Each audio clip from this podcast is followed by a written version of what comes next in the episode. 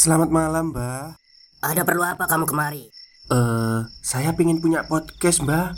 Biar pacar saya makin cinta sama saya. Loh, loh, loh. Mau bikin podcast kok tanya dukun? Sekarang kamu download aplikasi Anchor.fm. Di situ kamu bisa buat podcast gratis dan podcast kamu bisa didistribusikan ke platform mana pun. Dan di aplikasi atau website Anchor.fm juga terdapat fitur-fitur yang memudahkan kamu untuk membuat podcast. Oh, gitu ya, Mbak. Kalau gitu, saya boleh minta password wifi-nya, Mbak. Buat apa? Buat download Anchor.fm, Mbak.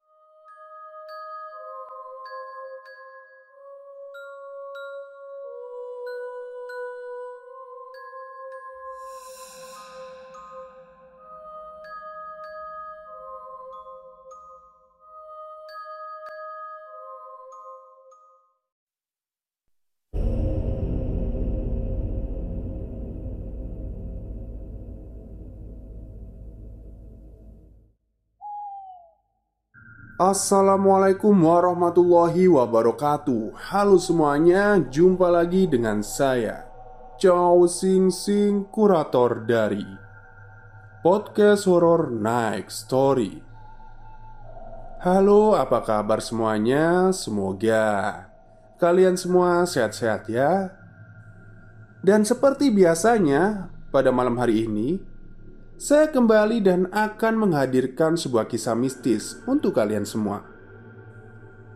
Kisah mistis kali ini saya datangkan dari Mas Bri Story yang menceritakan tentang pengalaman temannya saat bekerja di sebuah pabrik. Seperti apa kisahnya? Mari kita simak.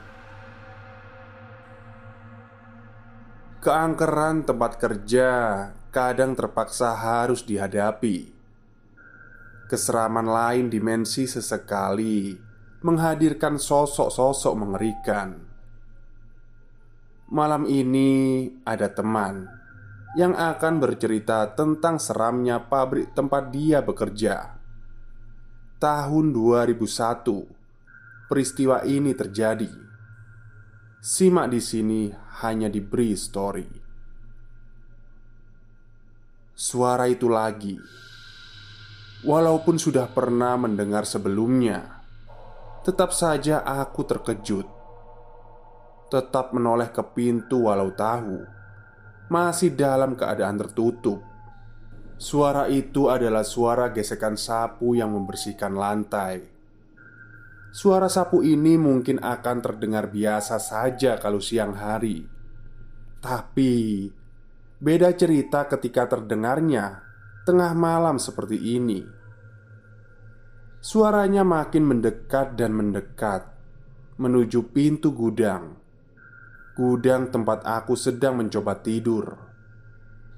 Perlahan aku bangkit dari posisi rebahan, kemudian duduk bersandar pada dinding. Gudang sangat gelap karena Aku sengaja gak menghidupkan lampu. Penerangan hanya mengandalkan lampu luar Yang cahayanya masuk melalui jendela kaca. Seperti sebelum-sebelumnya Awalnya hanya terdengar suara gesekan sapu ijuk dengan lantai. Tapi Lama-kelamaan Karena si empunya suara terdengar seperti makin dekat dan mendekat Maka Suara berikutnya mulai terdengar juga.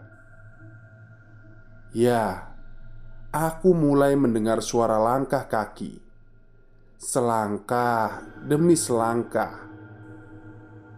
Langkah ini terdengar seperti kaki yang menggunakan sandal karet, sehingga ketika bersinggungan dengan lantai semen, menimbulkan suara yang khas.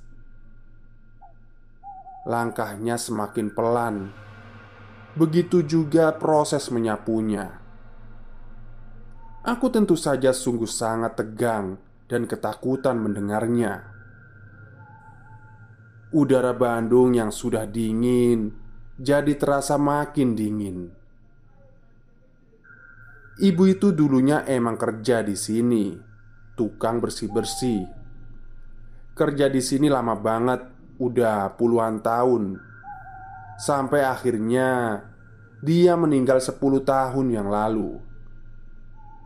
Kata teman-teman yang suka kerja malam Almarhum masih suka kelihatan bebersih, nyapu, ngelap, ngepel. Tiba-tiba aku terngiang-ngiang kalimat panjang dari Asep Teman yang kerja di perusahaan ini juga. Asep kerja di sini sudah lama Sedangkan aku baru kira-kira tiga bulan Asep bilang begitu. Cerita tentang penampakan yang sering terjadi di pabrik ini, salah satunya adalah hantu ibu ini. Ibu yang sepertinya sedang aku dengar tengah menyapu di depan gudang. Ibu itu sudah lama meninggal. Aku harus menajamkan pendengaran, mencoba menangkap suara yang terus kedengaran. Suara sapu ijuk itu dan langkah kakinya makin jelas. Detik berikutnya, ada suara lain yang sebelumnya belum pernah aku dengar dan sungguh menyeramkan. Suara perempuan, perempuan yang suaranya masih seperti bergumam tidak jelas. Gumamannya diselingi dengan tawa cekikikan Ya Tuhan, aku ketakutan, sangat menyeramkan. Posisi duduk makin ke sudut ruangan. Aku terus memperhatikan pintu dan jendela. Aku yakin kalau sosok itu akan datang dari sebelah kanan. Dia akan terlebih dahulu lewat pintu, baru kemudian lewat jendela sudah sangat dekat. Perhitunganku beberapa detik lagi, dia akan sampai di depan gudang. Dan benar, dari celah kecil di bawah pintu, aku akhirnya melihat sesuatu. Seiring dengan suara-suara menyeramkan dari celah kecil itu, aku bisa melihat memang ada yang sedang bergerak Langkah perlahan sambil sesekali sapuan sapu ijuk kelihatan juga. Sosok ibu itu sedang berada persis di depan pintu. Suara gumamannya semakin jelas terdengar, dan ada tawa cekikikan sesekali. Aku merinding ketakutan, sedikit pun gak berani bergerak. Ketakutanku semakin menggila ketika melihat dia tiba berhenti melangkah, lalu diam. Ya, ibu itu sekarang diam berdiri di depan pintu. Kemudian hening meraja, menguasai hawa dingin berbalut kengerian. Dalam diam, aku menerka-nerka apa kiranya yang akan terjadi kemudian? Tok, tok, tok. Ada ketukan pintu. Ibu itu mengetuk pintu. Keringat dingin berjatuhan, makin meringkuk aku di sudut ruangan. Tok, tok. Ketukan itu terdengar lagi. Enggak, sama sekali aku nggak ada niatan untuk membuka pintu. Nggak ada nyali untuk itu. Bait-bait doa mengalir terbata dalam hati. Aku sangat butuh pertolongannya saat ini. Hanya dua ketukan itu saja. Selebihnya sepi kembali terjadi Selama puluhan detik berlangsung seperti itu Gak lama setelahnya, ibu itu terlihat bergerak lagi, melangkah menuju ke kiri, ke jendela kaca yang letaknya persis di sebelah pintu. Jendela kaca ini cukup besar, berukuran sekitar dua kali satu meter, memanjang. Dari jendela ini dapat terlihat dengan jelas semua yang ada di luar gudang gak terhalang apa pun. Dengan pergerakan seperti itu, aku sangat yakin kalau sebentar lagi dia akan berjalan persis di depan jendela. Aku akan bisa dengan jelas melihat sosoknya, dan sekali lagi dugaanku benar. Aku akhirnya melihat wujudnya, sosok perempuan tua dengan rambut panjang terikat di belakang seperti sanggul dan berpakaian warna gelap.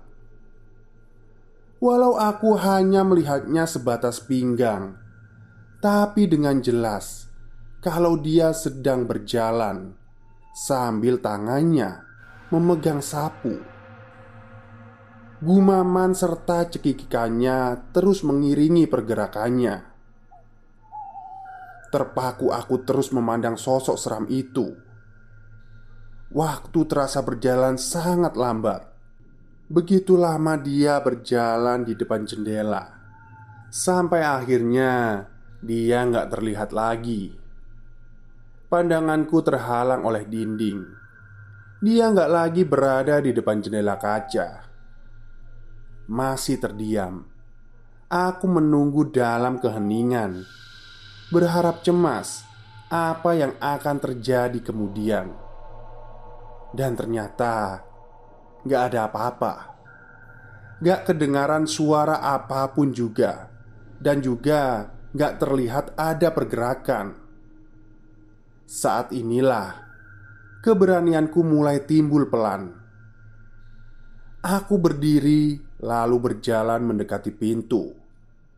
Dari pintu, kemudian mengintip jendela kaca sebentar, memperhatikan keluar, khawatir kalau sosok ibu itu masih ada.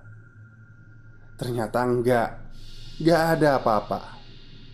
Hanya ruang mesin kosong yang jadi pemandangan. Detik berikutnya, aku langsung membuka pintu tanpa menoleh ke kiri dan ke kanan.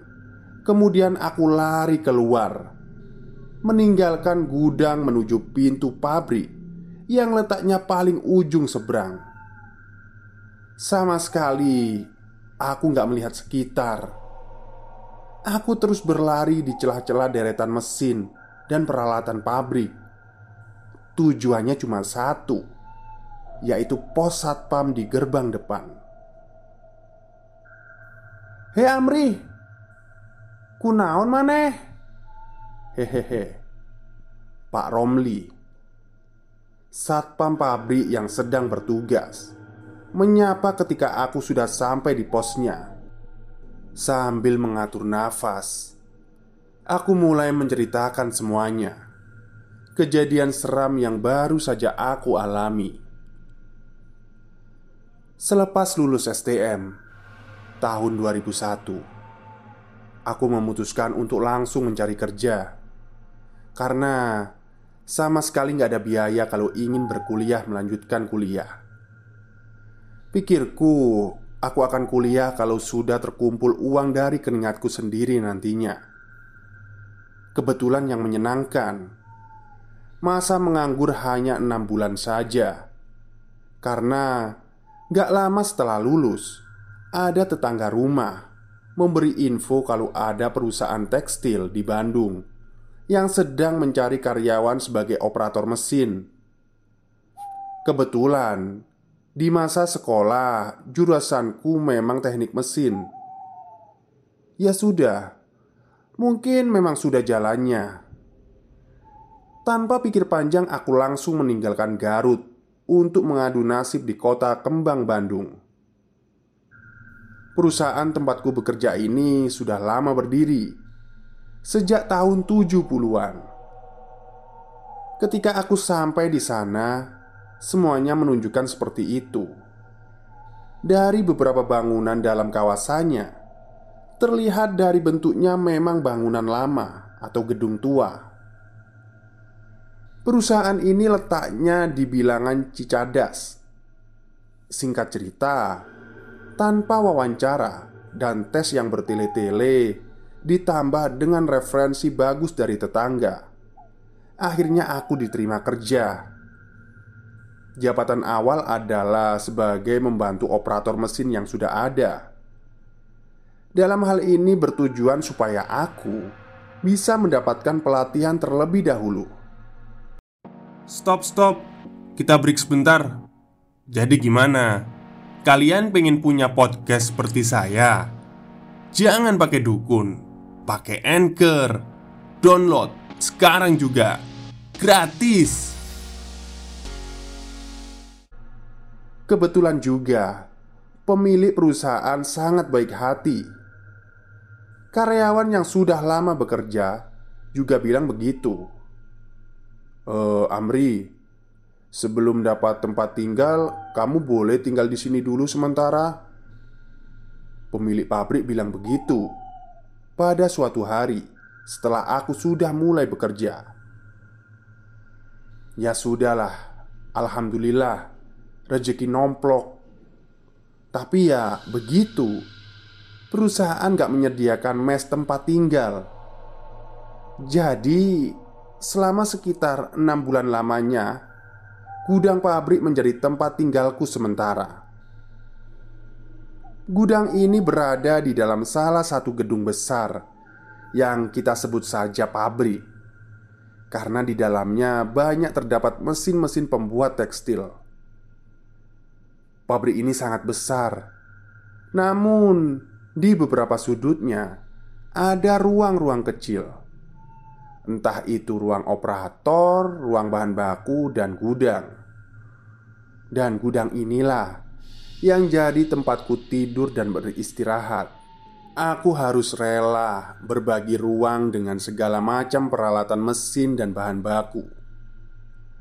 Ya, aku sih senang-senang aja karena pernah merasakan tinggal di tempat yang lebih sedih dari ini. Tapi ya, itu banyak cerita yang beredar tentang angkernya pabrik ini pabrik yang letaknya benar-benar di paling ujung kawasan. Menurut teman-teman, karena semua gedung bisa dibilang gedung tua, makanya banyak kejadian seram yang dialami oleh karyawannya. Banyak yang bilang sering melihat penampakan seram di kawasan pabrik. Aku nggak bisa menceritakan satu persatu karena banyak sekali versi yang beredar. Salah satunya ya tentang sosok ibu yang pernah aku lihat itu. Konon katanya, ibu itu sering terlihat mengerjakan pekerjaan yang rutin dia lakukan semasa hidupnya dulu. Sosok itu juga sangat menyeramkan. Aku nggak bisa membayangkan kalau harus bertemu dengan sosok seram lainnya. Ya, pokoknya begitu. Banyak cerita seram yang beredar. Makanya, kamu hati-hati kalau tidur di pabrik. Kunci pintu. Gak usah keluar lagi. Diem aja di gudang sampai pagi. Begitu Asep bilang mewanti-wanti. Oh iya Pabrik ini waktu aku masuk belum ada sistem shift. Jam kerja dari jam 8 pagi sampai 5 sore. Kecuali sedang ada lot tinggi Pekerjaan bisa selesai maksimal jam 10 malam. Setelah itu, karyawan pulang. Pabrik hanya menyisakan tim security Mesin dalam keadaan mati semua. Sepi deh. Selama enam bulan aku juga sering merasakan Atau sesekali Melihat keseraman yang ada di pabrik. Tapi Aku masih bisa melawan itu semua. Dan lebih banyak mengikuti saran dari Asep untuk sama sekali nggak keluar gudang kalau malam tiba. Awalnya tidur di gudang hanya beralaskan beberapa kardus yang aku susun bertumpuk. Ya, cukuplah untuk menghangatkan tubuh. Tapi nggak lama, atasanku membawakan aku karpet tebal dan lebar untuk menggantikan kardus-kardus itu. Ditambah lagi dengan bantal Ya, sudah cukuplah untuk membuatku nyaman. Dan kebiasaanku kalau tidur, aku akan mematikan lampu gudang. Jadinya gelap gulita. Hanya lampu luar saja yang memberikan sedikit cahaya. Sudah terbiasa seperti itu. Nah, seperti yang aku bilang tadi, selama kurang lebih enam bulan aku tinggal, beberapa kali aku merasakan keanehan yang menjurus seram dalam pabrik ini. Tapi aku masih bisa melaluinya. Entah itu mengabaikan atau menahan ketakutanku sampai pagi menjelang. Tapi ada satu peristiwa yang sungguh sangat menyeramkan. Peristiwa yang pada akhirnya membuatku bertekad untuk segera mencari tempat tinggal sendiri, dan peristiwa itu sangat menyeramkan. Jadi, begini runtutan detail kejadiannya. Waktu itu, seperti biasa, aku menghabiskan waktu di pos security hingga malam. Kalau ngantuk sudah nggak tertahan, aku akan pergi ke gudang dan tidur. Jarak dari pos security dengan pabrik tempat di mana gudang berada sebenarnya nggak terlalu jauh, hanya sekitar 200 meter. Tapi tetap saja, aku harus berjalan kaki menyusuri kawasan pabrik. Beberapa bangunan kantor harus aku lalui, sampai akhirnya tibalah di pabrik belakang Sekitar jam 10 malam, aku pulang ke gudang. Seperti yang aku bilang tadi, jam-jam seperti ini kawasan sudah sangat sepi. Gak ada orang sama sekali. Aku berjalan kaki. Banyak lampu yang sudah dalam keadaan mati. Hanya sebagian kecil saja yang dibiarkan menyala. Jadinya sangat redup walau masih bisa melihat sekitar. Gak ada perasaan apa-apa ketika akhirnya aku sampai juga di pabrik belakang, lalu masuk ke dalamnya. Deretan mesin dengan berbagai macam ukuran harus aku lewati untuk sampai di gudang. Bangunan pabrik ini juga gelap hanya ada beberapa lampu kecil saja yang dibiarkan menyala. Dinginnya udara Bandung menyelusup masuk ke dalam tubuhku. Makanya, aku semakin cepat langkahku untuk sampai masuk ke gudang. Dan sesampainya di gudang, aku langsung masuk dan mengunci pintu, menggelar karpet yang biasa kugunakan untuk alas. Terakhir kali aku melihat jam Waktu itu menunjukkan pukul 11 malam. Dan setelah itu Aku nggak nyet apa-apa lagi Karena sudah tertidur. Tapi hanya sebentar. Aku mengucek-ngucek mata. Terpaan cahaya terang menyadarkanku dari tidur Ya, cahaya terang Tapi aku sadar kalau masih berada di atas karpet tempat tidur, lengkap dengan bantal dan selimut. Cahaya ini terang sekali, menyilaukan. Dalam keadaan mata tertutup pun, aku bisa merasakan silaunya. Ah, cahaya dari mana sih ini? Aku lalu perlahan membuka mata, sangat perlahan, karena sambil menahan silau dan benar, ternyata gudang ini sudah terang benderang. Lampu di dalam menyala semua. Tapi, siapa yang menyalakan lampu? Apa aku bangun kesiangan? Dan ternyata tidak. Karena setelah melirik jam dinding, ternyata masih jam setengah dua. Jadi, Aku tidur hanya sekitar dua jam. Aku lalu duduk sambil mengucek-ngucek mata dan mencoba mengumpulkan nyawaku. Kemudian ada pemandangan aneh. Pintu gudang ternyata sudah dalam keadaan terbuka. Padahal aku yakin kalau sebelum tidur aku sudah menutup dan menguncinya. Tapi kenapa sekarang terbuka? Dari pintu terbuka itu, tentu saja aku jadi bisa melihat luar. Di luar juga sama, Pabrik yang berisi mesin-mesin ternyata dalam keadaan terang benderang. Lampunya nyala semua. Waduh, ada apa ini?